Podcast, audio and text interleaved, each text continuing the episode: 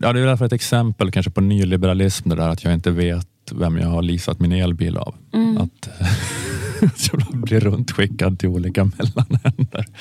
Att det är lite så med, folk säger här att eh, folk klagar på folk som slänger sig med nyliberalism och sen så eh, om man skulle be dem definiera det så skulle de bara få total tunghäfta och inte kunna säga någonting. Utan att det är så här kvasi-intellektuellt och fånigt att kalla saker nyliberalism. Men, och och det är kanske är lite svårt att definiera det så, men man känner igen nyliberal, nyliberalism när man ser den, när man upplever den. Mm. Att det är lite grann, att det är lite som det här med, med porr. Att så här, liberala smartskaft kan säga så här, hur ska vi kunna eh, förbjuda porr, kanske de säger till en republikansk politiker i USA. Eh, För att vad, vad går gränsen för porr? Det- Som är- vad är erotik? vad är erotik och porr och vad är konst? En Ja. konstnärlig framställning med nakenhet.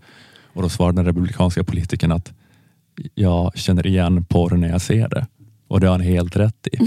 För att, för att det är helt omöjligt att inte känna igen porr när man ser det. Även om det är, så här, det är bara så fånig intellektuell övning. Det där. Och ja visst, den här nakenheten är inte porr, men den här nakenheten är porr. Hur ska vi kunna dra gränsen? Det går inte att, så här, det går inte att göra en sån då i ord, en klar och tydlig definition var gränsen går, men alla vet var gränsen går. Ja. Det är jättelätt att se vad som är porr och vad som inte är det.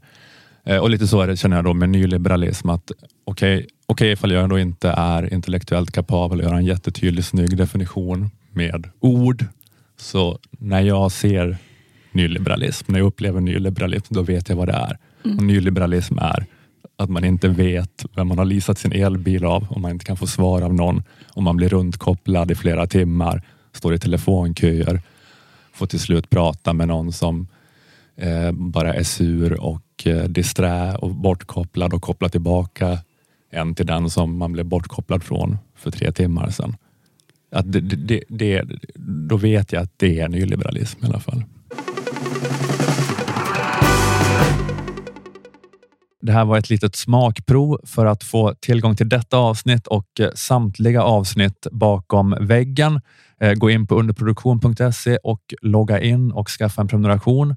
Det kostar endast 29 kronor i månaden och då kan du höra alla fem avsnitt som släpps varje månad och inte bara de två som släpps här i gratisfiden.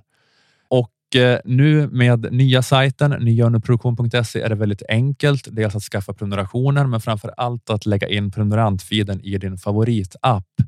Eh, det är inte det där krånglet det var tidigare med att klistra in eh, URL och skriva in användarnamn och lösenord, utan det är bara att trycka på en knapp. Eh, När ni är inloggade på underproduktion och inne på Stormens utvecklingssida eh, kan ni välja där bland massa appar. Man kan klicka på Apple Podcaster, Google Podcasts, pocketcasts eller vad det kan vara. Ni kan från en lång lista där välja en favoritapp och så öppnas poddflödet automatiskt i den appen. Eh, skulle det uppstå några problem eller frågor så kan ni mejla support underproduktion.se för snabbt svar.